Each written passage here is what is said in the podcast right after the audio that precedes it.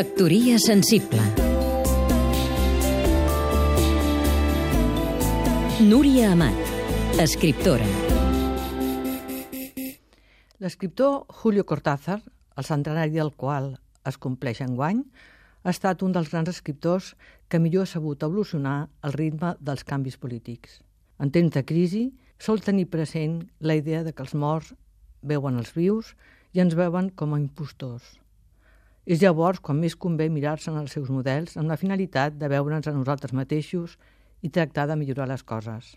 Cortázar va imaginar un conte en el qual un grup d'argentins funda una ciutat sobre un cementiri. Solament els dirigents ho saben. I ràpidament, cito, comienzan los síntomas de una extraña inquietud. Fuerzas extrañas los acosan i d'alguna manera los denuncian i tratan d'expulsar-los. L'escriptor explica que aquest relat suposadament fantàstic, és una còpia de la realitat en la qual massa països són sepultats juntament amb els drets de tot un poble. Vegeu ara Síria, Cuba, Venezuela, Crimea, Ucraïna, etc.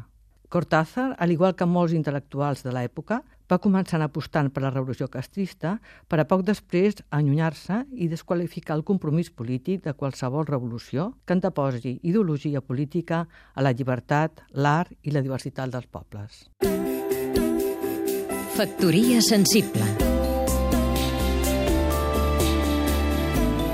Seguim-nos també a catradio.cat